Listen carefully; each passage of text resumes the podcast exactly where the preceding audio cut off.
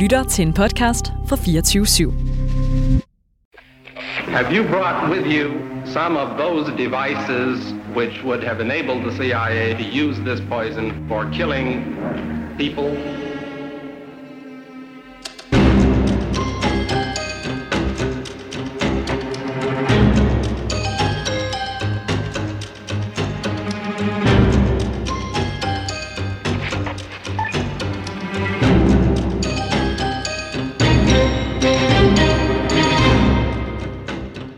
G. Vinge, da han bliver sat ind som chef for SAPO, hvor der vide, at øh, han skal møde en fyr, der hedder Biver Elmer, der bor ude i en forstad i et industrikvarter og har et revisionsfirma, og da han kommer derud til AB Collector, så kan han jo godt se på væggene her, at der er jo kommunekort, og der er grupper i alle kommuner. Og han ser bare, du ved, vægge og kontorer, der er fyldt med, hvad der tydeligvis er en kæmpe stor efterretningstjeneste. Og han er lige blevet udnævnt til chef for SEPO, han ved ikke, det eksisterer. Det eneste, han ved, det er, at det der, det er knaldulovligt. Det der, det er knaldhammerne ulovligt.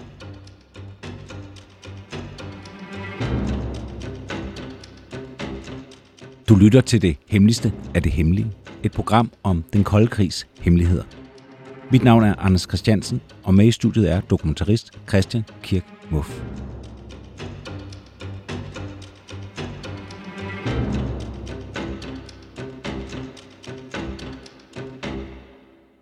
Vi går virkelig ind i skyggeland, Ja, og øh, man kan sige, at der hvor vi efterlod verdens største historie, der var vi gået tæt på. Altså, vi gik rundt på det fortov, hvor han blev skudt. mm. Vi talte om en afstand på få, få meter til et sted, hvor de her betjente, der har været i fokus, Mm. de trænede, og et mærkeligt netværk ind omkring nogle ninjitsu-fyre.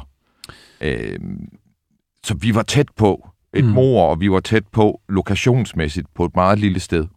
Og så tog vi til det smukkeste af det smukke. ja, Og nu skal vi tilbage igen. ja. Men vi flyver lidt ind. Og vi flyver lidt ind nu gennem en rejse, hvor vi følger med Palme og hans liv, men gør det med et blik på det aspekt af hans liv, der knytter ham an til efterretningstjenesterne. Fordi det er faktisk en forbløffende historie. Mm. Hvis der er en statsleder, der er efterretningstjenestemand i Norden, så er det ham. Ja, det kommer du selvfølgelig til at uddybe. Det er planen. Okay. Vi har tidligere i et andet program talt lidt om Palmes historie. Øh, og, og vi har også gjort det, jeg tror, vi har refereret lidt til det også i verdens største historie her. Mm. Og øh, det, man skal forstå om det, er jo det her med, vi taler overklasse. Øh, øh, og ikke bare overklasse, den øverste overklasse, når vi snakker Palme-familien. Du har det gode eksempel med, at i hans barndomshjem, når der var aftensmad, så var menuen jo skrevet ud. Ja, den lå på bordet, som om, du ved, det var en statsmiddag. Så stod der ligesom, hvad skal vi have til aften? Det var et sted med et meget, meget højt serviceniveau. Ja. Det kommer også til at have en lille indflydelse på historien, vi Ja. skal høre i dag.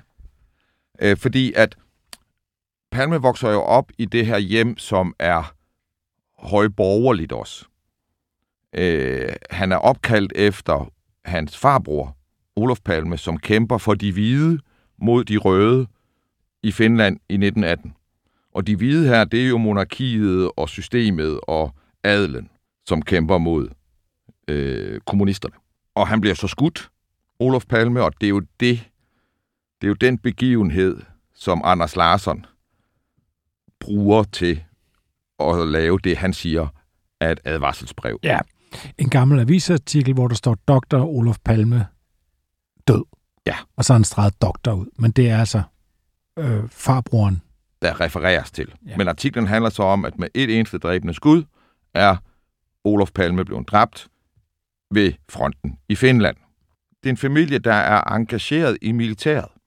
De er alle sammen, øh, har alle sammen en, øh, en militær lederuddannelse i den familie.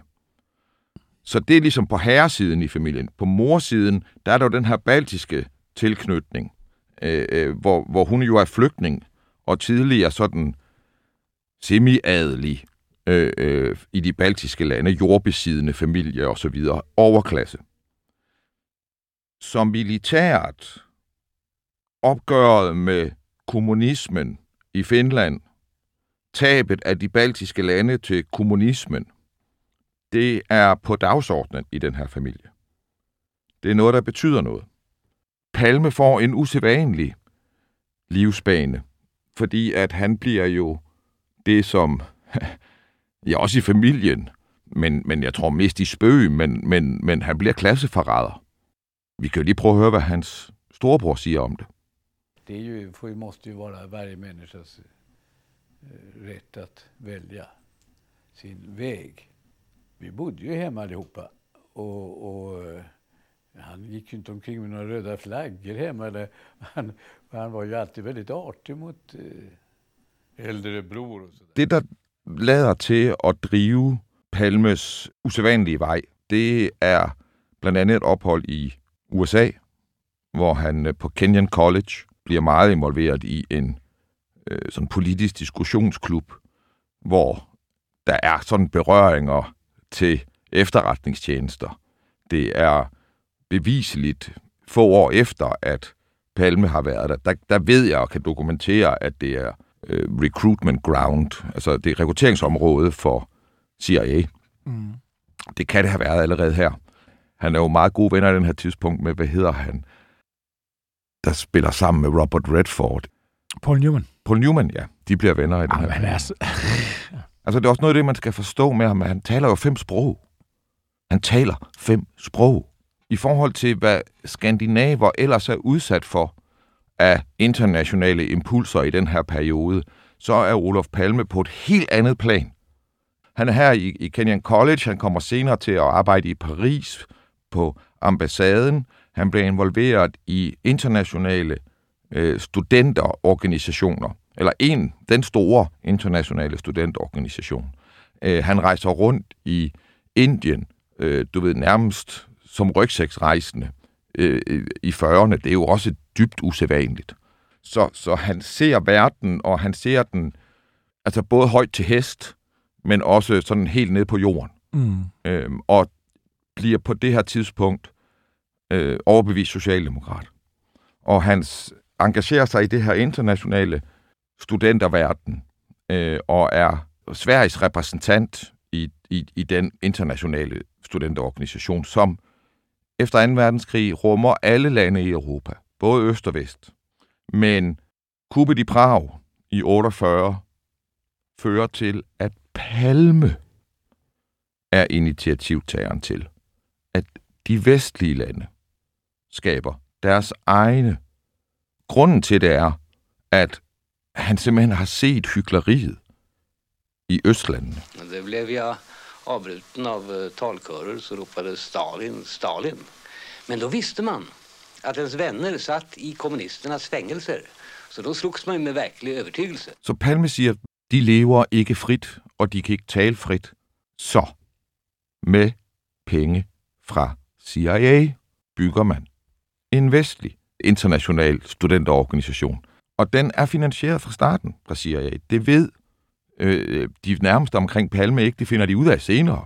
Palmes tætteste kollega i den her periode under det her studenterorganisation, han, i den her, han, han flytter med Palme efterfølgende over i Forsvarsstabens efterretningstjeneste, hvor de begge to bliver ansat. Mm. Øh, og, og, og han siger, på, jeg vidste ikke på det tidspunkt, men det var helt klart, at det står klart nu, det var CIA, og det var klart, at det var et politisk formål med det, og det giver godt, god mening i forhold til det, vi gør. Og han siger ikke direkte, men han antyder klart, at Palme er udmærket. Han var stifteren, mm. initiativtageren til det her. Ja. Han vidste jo godt, hvad der foregik. Det var svært at gøre det, uden at han vidste det. Da han kommer tilbage igen, bliver han venner, fordi han får en kavaleri, løjtnant i kavaleriet, bliver han uddannet. Og der møder han en fyr, der hedder Lennart Hagman, som også er overklasse. Og Lennart Hagman fører ham sammen med en fyr, der hedder Biver Elmer. Lennart Hagman har i 52 en hemmelig opgave. I 52 sker der det, at der er en DC-3'er, der bliver skudt ned ude i Østersøen. Mm. Den DC-3'er bliver brugt til at lave signalovervågning mod russerne. Ja. Det er dybest set en svensk-amerikansk fælles operation, hvor man hele tiden har et fly i luften, som opfanger radiokommunikation i Varsava-pakten.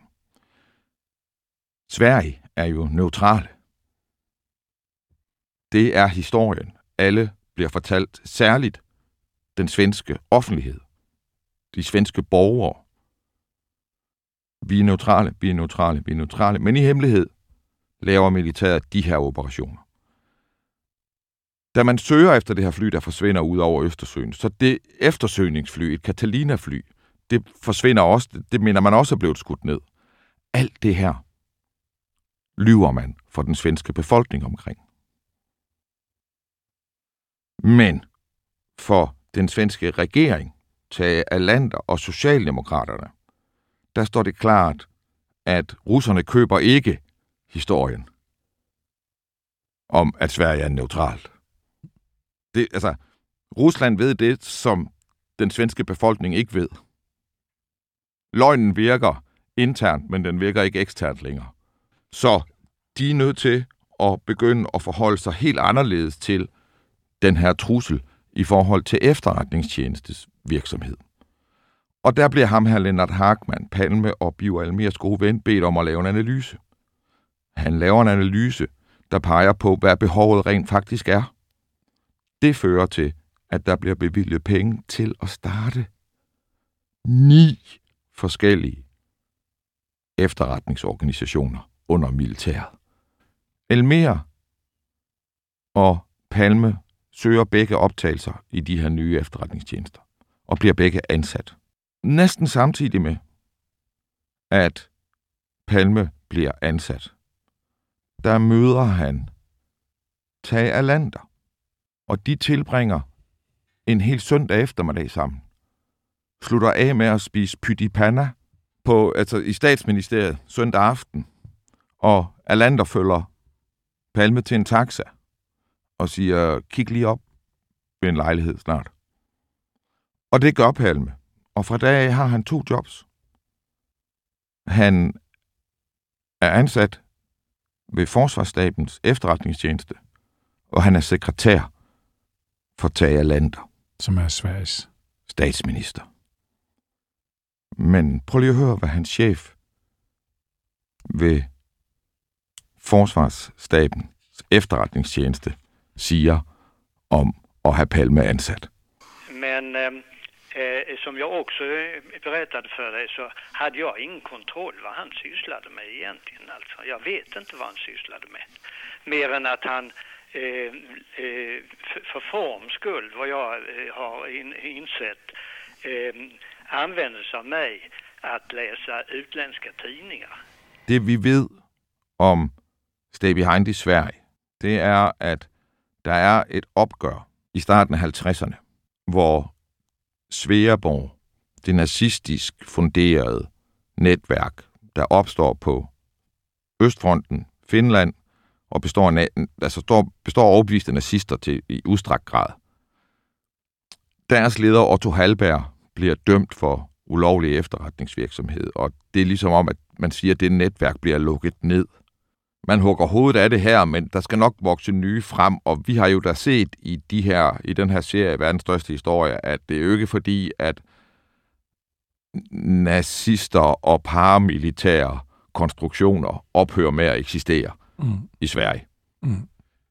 Men projektet flyttes fra det, der hedder T-kontoret, som ledes af en mand, der hedder Tede Palm, som er konservativ national litterat, det fjernes og lægges over, fjernes fra ham og lægges over til forsvarsstaben, og det opbygges nu, og det ved vi fra Alanders dagbøger, under det, der bliver til Lindenkrona-komiteen, under ledelse af Alvor Lindenkrona, som er direktør. Hvorhen, Anders?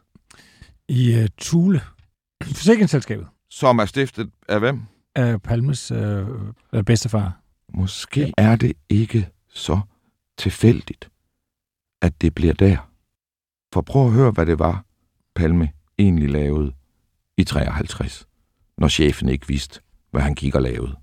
Under den tid han satt där så har han gjort en utredning om Stay Behind eller har han varit inblandad i en större utredning om Stay Behind? Han er den, der repræsenterer statsministeren i opbygningen af Stay Behind. Mm. Og det bliver bygget op inde i hans families organisation. Det kan man spekulere over. Om Ja. ja. det er tilfældigt. Altså både Palmes øh, altså farfar var med til at starte. Ja. Ja. Det, der hedder Thule. Der, der er en masse fusioneringer, der gør, at det hedder Skandia. Og, det, og Skandia-huset hed Tulehuset i lang tid, da det blev bygget. Og, og Palmes far var også direktør samme sted. Jamen, det, det, det, det, er en, det er en familievirksomhed, som så er vokset og fusioneret, og på den måde er familiens ejerskab også blevet udvandet som sådan. Men hvis der er noget, Palme-familien skabte, andet end Olof Palme, Mm. så er det det her forsikringsselskab. Og som så tilfældigvis bliver fundamentet for Stay Behind og lokationen, hvor han bliver skudt Ja. i 86. den 28. februar.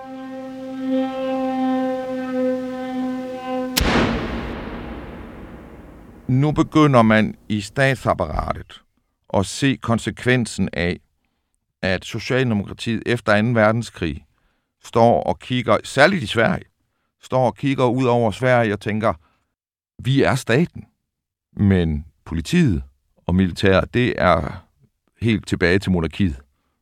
Men hvis vi skal være statsbærende i de næste årtier, så er vi nødt til at læne os ind i den verden og få en eller anden form for indsigt og struktur og styr på den verden. Og det er det, man ser af land, der beskæftiger sig med at sende palme i byen for at gøre, øh, øh, hvad gælder Stay Behind, Mm. som Biver Elmer senere kommer til at sige, han er den altid siddende sikkerhedsminister. Sådan omtaler Biver Elmer ham. Mm. Og det gælder jo så fra 50'erne og frem. Og det er en kompleks herre, vi begynder at kigge på nu, Anders. Nu skal vi også lukke op til øh, Palme, det dumme svin, hvor vi kommer til at se en Palme-spil, så meget dobbeltspil. Det er helt vildt. De her ni efterretningstjenester, der bliver startet i 53, de bliver efterhånden samlet hos øh, den meget entreprenante Biver Elmer, som har støtte helt i toppen hos statsministeren, og ikke mindst hos hans sekretær og senere hen den meget unge undervisningsminister. Mm. De fleste siger jo, at Palmes tennismarker, det var en fyr, der hed Harry Schein, som skaber filmindustrien i Sverige. Men han spillede langt mere tennis med Biver Elmer. Og stille og roligt, så vokser det her. Han får det ene kontor efter det andet ind under sig. Og fra sidst i 50'erne, der begynder begrebet IB at opstå. Indhentning biver skulle være grunden til, at IB bliver til IB. Okay. Men det er ikke IB. De siger IB. Og det ved jeg, fordi jeg i dag tilbragte det meste af formiddagen med at snakke med en IB-agent, øh, øh, som jeg håber, vi kan komme til at vende tilbage til et kommende program. Og der sker stille og roligt det, at da det står klart for Sverige, at det kan ikke lade sig gøre at være neutralt, og det står klart for Sverige, at hvis de skal være en del af Vesten, hvad angår industriel og militær udvikling, så skal de overvåge kommunistisk indflydelse og ikke mindst industrispionage på alle større arbejdspladser. Og så står man jo der i statsministeriet, og så kigger man, og så kigger man på sikkerhedspolitiet, og så tænker man, de ved ikke en skid om det der. Mm. Og det kommer til at tage 20 år for dem at bygge det op, og det kommer til at koste en formue. Men så er det jo fedt, at vi er det statsbærende parti, fordi inde i Socialdemokratiet, der har vi et kæmpe efterretningsnet, hvor vi er til stede 20.000 steder. Vi har 20.000 tillidsmænd rundt omkring i landet, som vi har trænet igennem årtier i at rapportere kommunistisk aktivitet, fordi vores største frygt har været at miste grebet i arbejderklassen ved, at kommunisterne overtager fagbevægelser, eller hvad det nu måtte være. Så hvad nu, hvis vi lader det system fusionere ind i staten? Så får vi jo også lige pludselig en platform for socialdemokratisk logik og tænkning inde i det militære efterretningssystem. Så hvem skal vi så lade lede det her system? Når vi nu lægger det her ind under den militære efterretningstjeneste, skal vi give det til den nationalkonservative Ted Palm og Biver Elmer, da han bliver spurgt tidligt i hans karriere af socialdemokrater, hvor han står henne, så siger han, jamen hos mig har hjertet altid banket i venstre side. Han bliver forstået som Socialdemokratiets mand, og derfor den, der får den her kæmpe organisation. Og her skal man forstå, det er jo ikke sådan, at alle 20.000 tillidsmænd, de har forstået, at de var en del af IB. Mm. For det var de jo ikke på den måde. De var rapportører i et system, som så også blev brugt af IB. IB ikke? Altså, øh, og enhver af dem kunne bruges til at få en opgave. Vil du ikke holde ekstra øje med dette eller hint? Uden de dermed forstod, hvad det var, de var en del af. Altså, vi har lige pludselig at gøre med en, en organisation, der overvåger alle arbejdspladser i Sverige. Og gør det parallelt med, at politiet forsøger at overvåge de her ting. Og det gør man alt sammen i et land, hvor det er ulovligt at gøre det. Og hvor ledelsen siger, det kunne vi ikke finde på at gøre. Når der er sådan nogle, der, der er sådan nogle spioner, der bliver afsløret i Sverige, sådan, og så siger Thailander for eksempel, det der, det er gammeldags, usiviliseret statsopførsel.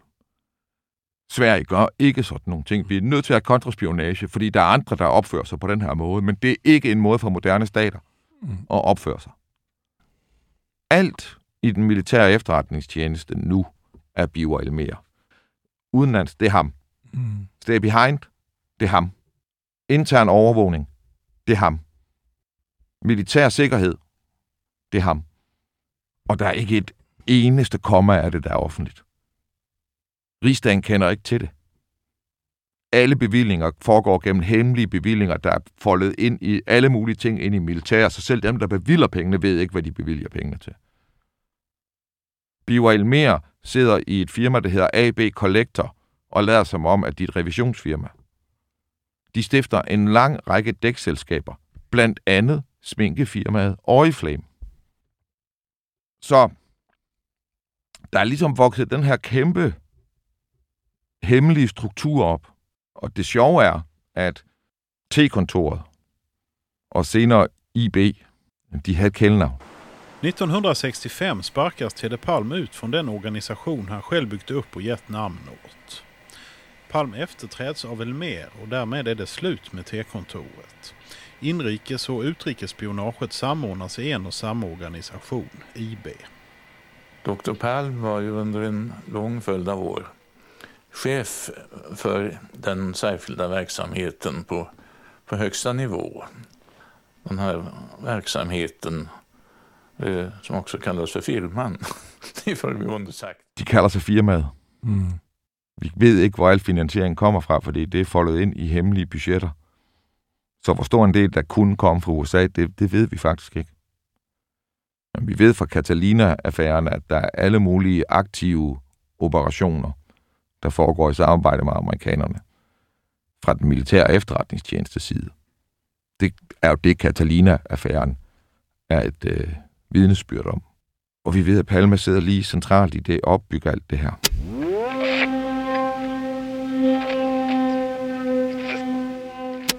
P.G. Vinge, da han bliver sat ind som chef for SAPO, får at vide, at øh, han skal møde en fyr, der hedder Bio Elmer, der bor ude i en forstad i et industrikvarter og har et revisionsfirma, og da han kommer derud til AB Collector, så kan han jo godt se på væggene her, at der er jo kommunekort, og der er grupper i alle kommuner. Og han ser bare, du ved, vægge og kontorer, øh, der er fyldt med, hvad der tydeligvis er en kæmpe stor efterretningstjeneste. Og han er lige blevet udnævnt til chef for SEPO, han ved ikke, det eksisterer. Det eneste, han ved, det er, at det der det er knald ulovligt. Der opstår, hvad man kan, vel kan kalde sådan et indre brud i staten her. Mm. Som fortsætter ind til det lykkes Palme at komme af med PG Vinge i 70. Fordi den ultimative socialdemokratiske apparatchik figur, Hans Holmer bliver sat ind som SEPO-chef i 70. Det er ham, der sætter sig selv ind som efterforskningsleder da Palme er blevet skudt, Mhm. uden nogensinde at have lavet en efterforskning af et mor før.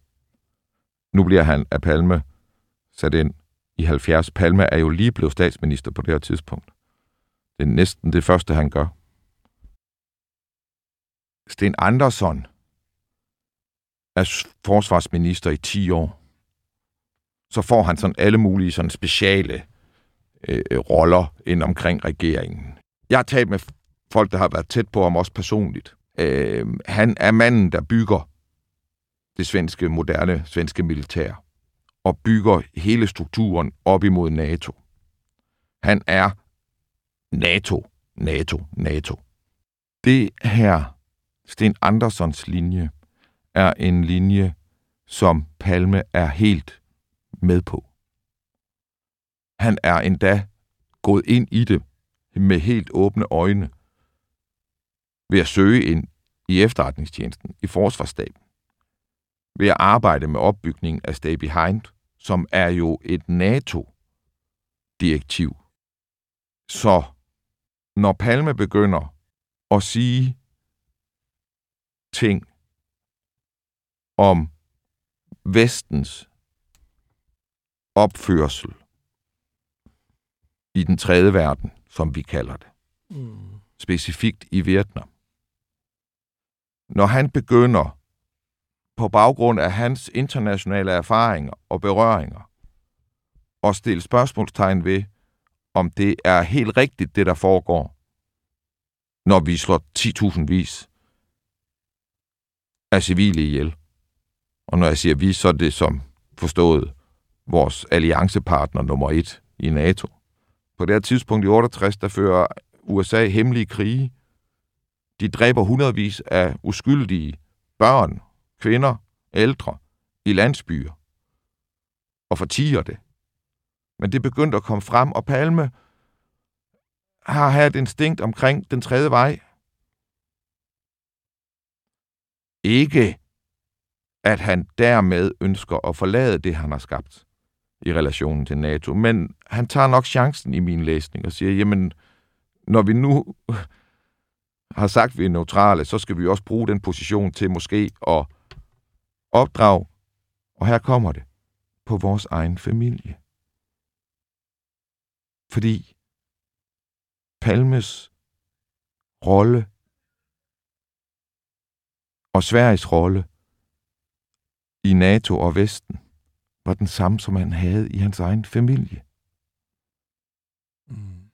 Han var ham, der havde forladt hjemmet, taget ud og oplevet verden, og havde ændret sin holdning. Men han blev boende derhjemme, mens han arbejdede for Alander, mens han byggede Stay Behind, der puttede hans mor ham hver aften. No way. Hvad siger du? Altså i overført betydning? Jeg siger, at nu skal jeg være helt præcis. Ja, tak. Jeg kom til at sige hver aften. Det kan jeg ikke dokumentere.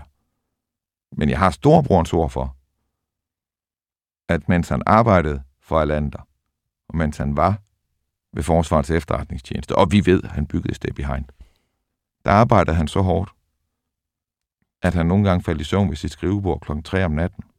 Og de boede hjemme, hvor der var godt serviceniveau. Så stod moren op klokken 3 om natten og gik ind til Olof, som sad og sov ved sit skrivebord. Och så puttade hon ham i sängen. Och det, då blir ju dagarna väldigt tuffa. Och han bodde i ett rum bredvid mamma. Och hon brukade, eh, sådär vid tretiden så brukade hon stiga upp ur sin säng och gå in och titta eh, i Olofs rum. Och om där kunde han antingen sitta och jobba eller också låg han mer eller mindre avsvimmad på sängen. Og då klädde hon av honom du stoppade ner honom. Jeg vil sige, den rejse, jeg tog ind i det her, hvor jeg jo egentlig ville ind og prøve at forstå, hvad IB det var. Og jeg kommer til, hvorfor det er relevant i forhold til mor. Det har vi jo slet ikke rigtig snakket om endnu. Det kommer. Men jeg blev virkelig overrasket over, hvor meget han er efterretningstjenestemand. Altså, og, og det kommer til at betyde noget øh, på alle mulige måder, når vi når til 86. Men vi var jo egentlig nået til, at Vinge Ja. var blevet afsat. Og Holmer, Holmer systemets, Socialdemokratiets mand, var sat ind. Og da Palme ligesom har sat sig i, til rette som statsminister i 70, så er det en mand, der har været med på den rejse, der har bragt socialdemokrater ind i toppen af enhver form for efterretningstjeneste, man har i Sverige. Mm. Og så er det jo ekstra hyklerisk, når man siger sådan noget som det her. Varje nation måste ha någon typ av säkerhetstjänst. Men på grund av sitt arbete eh, så blir de ju lätt eh, ter sig som något hemlighetsfullt som måste angripas. Och människor och politiska grupper med anlag för paranoia, de lever ju högt på att skälla på Säpo. Han latterliggør folk, der tror, at efterretningstjenester går og laver noget som helst. Han udskammer folk, der kunne finde på at ytre tvivl om, hvorvidt alt, hvad staten siger omkring militær og efterretningstjenesteforhold, det er sandt. Han siger om de to, som er centrale i den fortælling, der kommer nu, nemlig de to journalister, Jan Chilu og Peter Bratt, at de bare er nogle unge, forvirrede, venstreorienterede journalister, der ikke ved, hvad der er op og hvad der er ned. Det siger han ikke, fordi han på nogen måder tror det, han siger. Det siger han, fordi han lyver. Og lyver og lyver omkring det her, og særligt hans egen tilknytning til det. Intet af det her omkring hans nære forhold til Biver Almer, altså tenniskampen osv. er nogensinde kommet frem, mens han lever. Det er rent faktisk sådan, at det går op for KGB, at IB findes. Blandt andet fordi, at de kan se, at Palme spiller tennis med en mand, og at det ikke optræder i nogen kalendere, nogen steder officielt, at de mødes. Og bagefter spiser de frokost i den kongelige tennisklubs café. Og KGB forsøger at komme til at aflytte de der samtaler. Det lykkes dem ikke.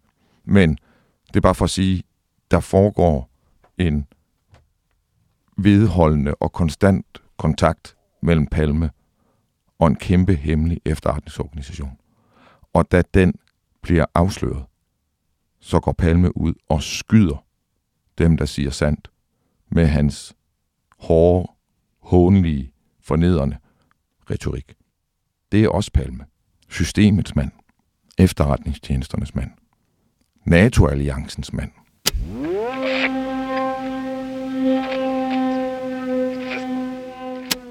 Han har styr på efterretningstjenesterne, han har styr på politiets efterretningstjeneste. Han sidder som statsminister. Så er der jo så dybest set kun én ting, han ikke har helt styr på. Og det er journalisterne. Og det, der sker, er, at i 72, der er der en IB-ansat, der bliver fyret. Isaksson. Han er bitter. Og han tager fat i en fyr, han kender. En journalist, som er venstreorienteret. Ikke kommunist, men socialist, sådan alvorlig socialist. Mm-hmm. Og, øh, og det er Jan Gilou også. Og de er begge to ansat på noget, der hedder Folket i Bild, altså FIB, FIB. Øh, øh, og det er sådan en orienteret ugeblad. Og øh, da Peter Bratt har hørt fra Isaksson, at der findes en kæmpestor militær efterretningstjeneste, beskrevet som hen og noget ligesom CIA øh, i Sverige, øh, så er Peter Bratt sådan, hvad? Kan det passe? Og han nævner det på redaktionen til et møde, og Jan Gilou siger, jeg har altså hørt nogle mærkelige historier, der kunne understøtte noget af det der. Det der sagen er, at i Sverige har der været nogle, øh, der har været en whistleblower, i Sæpos arkiver, registre i 66, som, som fortæller om ulovlig overvågning af politisk arbejde, som fører til en lang offentlig debat, der fører til, at man i 70, ligesom i Danmark, laver registerlovgivning, der umuliggør, at man alene af politiske årsager overvåger statsborger. Mm-hmm. Men IB bliver jo ved. Det angår jo ikke dem. Det er jo SEPO. Ja. For der er ikke nogen, der ved, at IB eksisterer. Så Palme sidder som leder i en regering, der er sin rigsdag, og befolkning bliver pålagt at stoppe registreringen af folk alene på grund af politisk opvisning. Og så gør han det med sin venstre hånd, men han fortsætter med at gøre det fuld hammer med højre hånd. Det har kæmpe konsekvenser for, hvem Sverige er som stat. Altså, når vi har lavet et program, der hedder Det smukkeste af det smukkeste, så er det jo også blandt andet, fordi jeg vil have lov til at sige, at der er dele af den svenske statsmodel og historie, nyere historie, som er det mest uvederhæftige af det uvederhæftige. De byggede simpelthen et helt stat på løgn. Mm.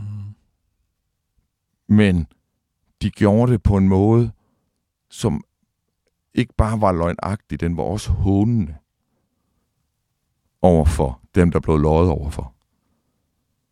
Og det kan man se i det forløb, der kommer nu. Fordi at Peter Bratt og Jens de indleder en undersøgelse, der varer i et år.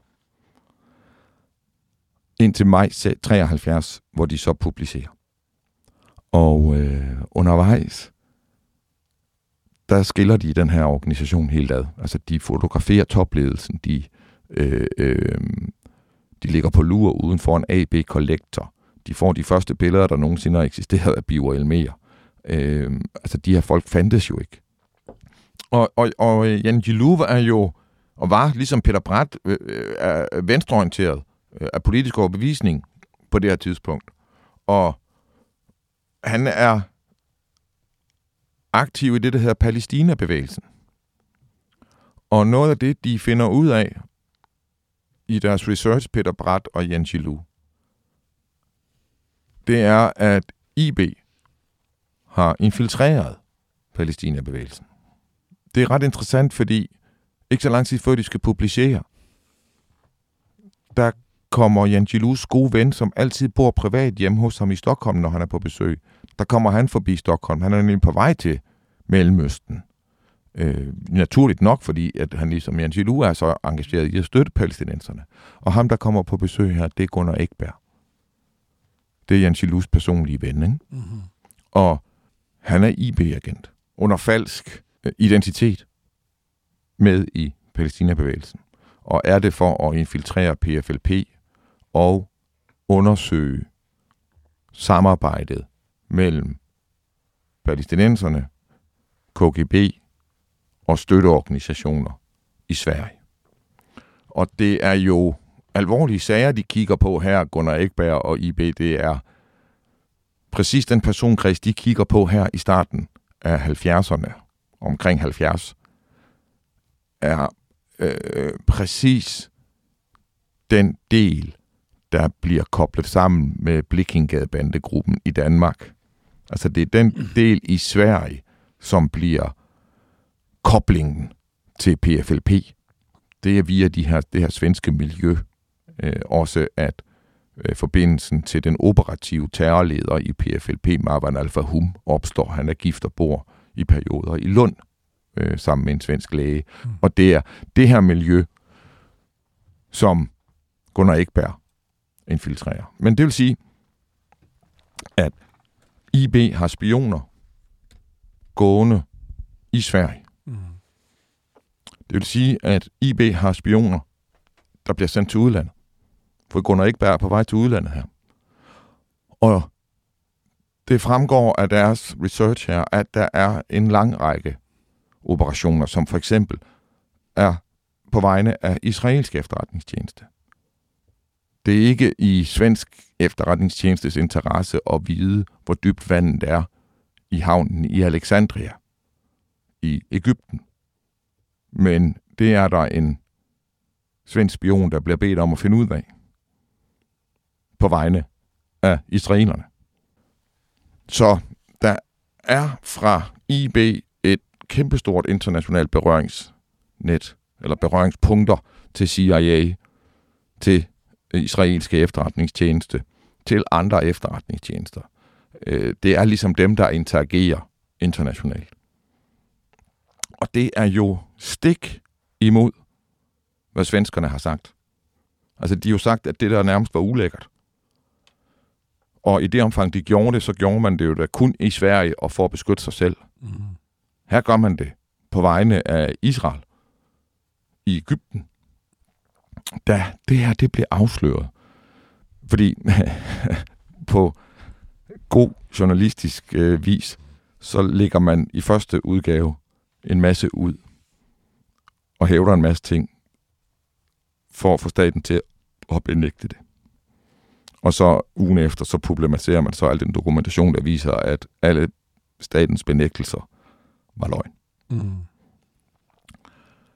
Det fører til et forløb i Sverige, som er virkelig underholdende, hvis man er til sådan noget klovn. Pinligheder. Ja. Altså, det er pressekonference efter pressekonference, hvor, hvor, hvor svenske militære og øverstbefalende og forsvarsminister og talsmænd osv. Uh, det er ikke godt det her, vel? Og så gør de det, som jeg afskyer den svenske stat for. Det er, at når de indrømmer, så gør de det sådan her. Spørgsmålet er, I benægtede i årtier, at I bedrev spioneri i udlandet. Og nu indrømmer I det. Hvordan kan man stole på jer? Så svarer den svenske stat. Men selvfølgelig gjorde vi det. Det er vel ikke nogen svenskere, der ikke regnede med, at vi gjorde. Altså, det, det er da selvklart, at vi gjorde det. Man skal jo virkelig ikke være særlig begavet, hvis man tror, at en stat ikke gør de her ting. Selvfølgelig, det har alle vist. I kernen af det der, der ligger der hos Palme og Socialdemokraterne og systemet Sverige, også moderater og andre, der er med i den her løgn. Der ligger der en forestilling om, at da svenskerne hørte Tage Lander sige, vi bedriver ikke spioneri, så sad de derhjemme og spiste byt i panna og sagde, der står statsministeren og lyver os lige op i ansigtet. Er det ikke en dejlig dag i Sverige? Det er den forudsætning, de lægger ind i hele det her. Mm. Det, der fremstod, var en efterretningstjeneste, som arbejdede i udstrakt grad for israelerne. Lavede indbrud på egyptisk ambassade, lavede alle mulige ting på vegne af andre efterretningstjenester. Og øh, brød svensk lovgivning igen og igen og igen. Det er jo ikke en måde at opføre sig på i et civiliseret samfund på den måde, som Socialdemokraterne siger, de bygger et, et civiliseret samfund. Det her er jo at bage en løgn ind, så at du i Sverige har den mindste tillid til statsmagten i noget nordisk land. Mm. Det er ikke tilfældigt. IB-affæren, som det bliver kendt som, den afslører en kæmpe efterretningstjeneste, som rigsdagen ikke kender til, offentligheden ikke kender til. Når det bliver afsløret, så bliver offentligheden håne for ikke at vide det, eller lade som, du ved, det bare pisset på dem. Og øh, de to journalister, de udgiver jo på et offentligt kendt, registreret blad. Så de er under den ansvarlige udgiver lovgivning. Og det betyder jo, at umiddelbart skulle man ikke tro, at journalisterne skulle man kunne gå efter, fordi det er den ansvarlige lovgiver, eller udgiver, der ligesom står for det. Og der bliver også ført en sag mod folket i bild. Og, og, øh, og den sag, der bliver ført efter lovgivning omkring ytringsfrihed og så videre, den er svær at vinde i Sverige, fordi der er ytringsfriheden på den måde udstrækt. Så folket i bild, det bliver frikendt. Men øh, Karl Lidbom, mm. som vi kommer til at vende tilbage til, Karl Lidbom, mm. han er på det her tidspunkt øh, et eller andet særlig justitsminister til et eller andet. Og øh, han finder en sjældent set paragraf, og folk, der nu begynder at kigge efter Finsen paralleller, de kan bare kigge løs. Finder en sjældent set paragraf, som siger, at man i Sverige kan begå spioneri ved stedfortræder. Altså på anden hånd. Det, mener, vi kunne være blevet dømt for, at det vi laver i det her program, kunne tjene Putin, uden at vi på nogen måde har haft nogen forbindelse med Putin. Peter Brat og Jan Gilou bliver anklaget for groft spioneri, uden at der er en opdragsskriver, uden at der er nogen aftale med nogen, men fordi at staten siger, at det tjener nogen andres interesse, en fjende måske. De kan jo ikke gå ind og sige, at det er Rusland. De bliver truet med 10 år. I total isolation. Peter Bratt er ved at bryde ned. Han ved ingenting. Så er der en fængselsvagt, der siger til ham, du skal vide, der står 10.000 udenfor og demonstrerer. De troede, de var alene i verden. Kaster de spjældet. Kigger på 10 år. Ender med at få et hårdt år. Et fuldt år i, fjellet i fængsel.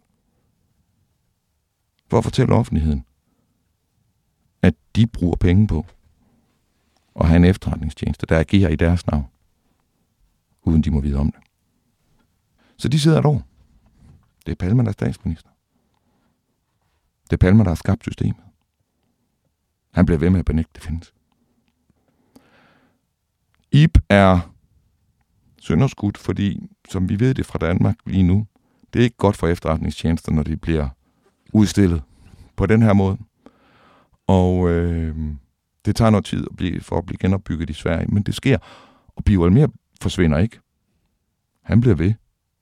Da han så bliver efterlyt, efterfulgt af en uh, Stig Søndergren, nyt navn og alt muligt har man gjort for at, at, at skjule. Man kan jo ikke undvære det her. Det er jo et krav fra NATO's side. Mm. Det er ikke sådan, at så bliver Ib nedlagt, så uh, klap over fingrene, nu lader vi være med det. Man kan ikke lade være. Man skal blive ved. Så man går igennem nogle volder med at forklare offentligheden, at det findes ikke mere, og nedlægge hele organisationen, som man kender den, samtidig med, at den vokser op på samme vis et nyt skyggefyldt sted. Og, og øh, Bio Almer bliver ved med at være, selv efter han officielt har trukket sig, bliver han ved med at være på betalingslisten. Det finder man ud af senere igennem mærkelige regnskaber, så bliver der ved med at gå penge til ham. Det går der langt op i 80'erne. Han buller der ud af. For du kan ikke nedlægge sådan nogle netværk her. Der er jo ikke nogen, der kender dem. Det er jo ikke sådan, at når man siger, nu nedlægger vi IP fra politisk side, de kender dem jo ikke. Der er ikke nogen politikere, der ved, hvem der er ansat i det der netværk. Mm. Der er jo ikke andre end Bio Almer, der ved, hvem der er i hans netværk, hans personlige netværk, opbygget gennem årtier. Der er ikke nogen, der kan afløse ham. For der er ikke nogen, der kan overdrages den tillid, der er blevet opbygget igennem de her årtier. Det her fortsætter. Det fortsætter og fortsætter. Og kontakten med Palme fortsætter. Bio Almer taler med Palme i 1986. Men op i 80'erne opstår skismaet endnu klarere i Socialdemokratiet. Palme, hans viden om, hvad der foregår i Nicaragua, hans støtte, og det kommer vi også tilbage til, hans støtte til den indiske atombombe, hans obstrueren af maskineriet i Iran-Contra. Alt det her gør, at han ikke længere demonstrerer en tredje vejs tone. Når han går i 68 med Nordvietnams ambassadør og demonstrerer mod Vietnamkrigen, så er det en tone, han slår an. Det er ikke nogen aktioner. Han bliver ved med at køre løs. Med efterretningstjenesterne og overvågning og alt muligt på NATO's og USA's vegne. Men når vi når op i 80'erne, så begynder han faktisk at agere. Han går offentligt imod forsvaret og dybest set de vestlige landes fortælling om ubådene. Han går direkte imod USA's interesser i Nicaragua. Også med handling. Til forskel fra Nordvietnam, så støtter de den svenske stat under Palme støtter Nicaragua som intet andet land. Han tager der til. Han bliver klar over, hvad der foregår i Iran kontra. Han stopper nogle af våbenleverancerne. Han godkender uran til Indien. Det er stik imod NATO's interesse. Og så bliver han skudt. Ja. Og øh, så går der ikke så længe. Så begynder der at komme nogle toner i det offentlige rum fra nogle folk, hvor man tænker, hvor kom I fra? Hvem repræsenterer I? Og hvad er det egentlig, I siger? Og det, de sagde, det var, at der har været kræfter i de militære og det policiære system tæt på Socialdemokratiet. Med accept fra andre fløje. For første gang har mange kunne enes. Palme var en fare for landet. Fare for forbindelsen til Vesten. En trussel mod alliancen med NATO. Og de, der siger det, er forbundet med Biver Elmer. Biver Elmer sender sine folk i spil i tiden efter mordet. Og de peger lige ind i dem, vi kigger på. Og siger, kig her. Og det, de peger på, og det, de siger, og det kommer vi til at snakke om igen i flere programmer, det er så skør en alliance mellem så umage fraktioner, at det er helt genialt. For man kan ikke tænke den tanke. Og hvis man altså, tænker den tanke og lægger ind, og det er jo grundlaget for min hypotese, mm. hvis man tørst tager tænke den tanke, så er der meget, der passer. Også hele den historie, jeg har fortalt i dag, hvor jeg jo egentlig siger, at når Palme blev skudt, så en af grundene til, at han blev skudt, det var, at han var ved at blive whistleblower. De skød en af deres egne. Det var ikke en modstander, de skød. Det var en, der havde været med på holdet. Det var en, som havde forladt holdet. Og det var en, som var i gang med at eksponere holdet. Så når de skød ham i ryggen, så var det tilbagebetaling. For det var det, han var ved at gøre ved dem. Palme tiger också om sin egen roll i underrättelsetjänsten. Nu vet vi allt det som inte kom fram då. Hade Palme den gången mitt under vänstervågen kunnat värja sig mot bilden av sig själv som IB-chefens mångårige vän? Som halvagent i underrättelsetjänsten, som delaktig i en hemlig motståndsrörelse i det fördolda i samverkan med västmakterna, i strid med den officiella neutralitets... Du har lyttet til det hemmeligste af det hemmelige. Mit navn er Anders Christiansen, og med i studiet var, som sædvanligt, Christian Kirk Muff. Tak fordi du lyttede med.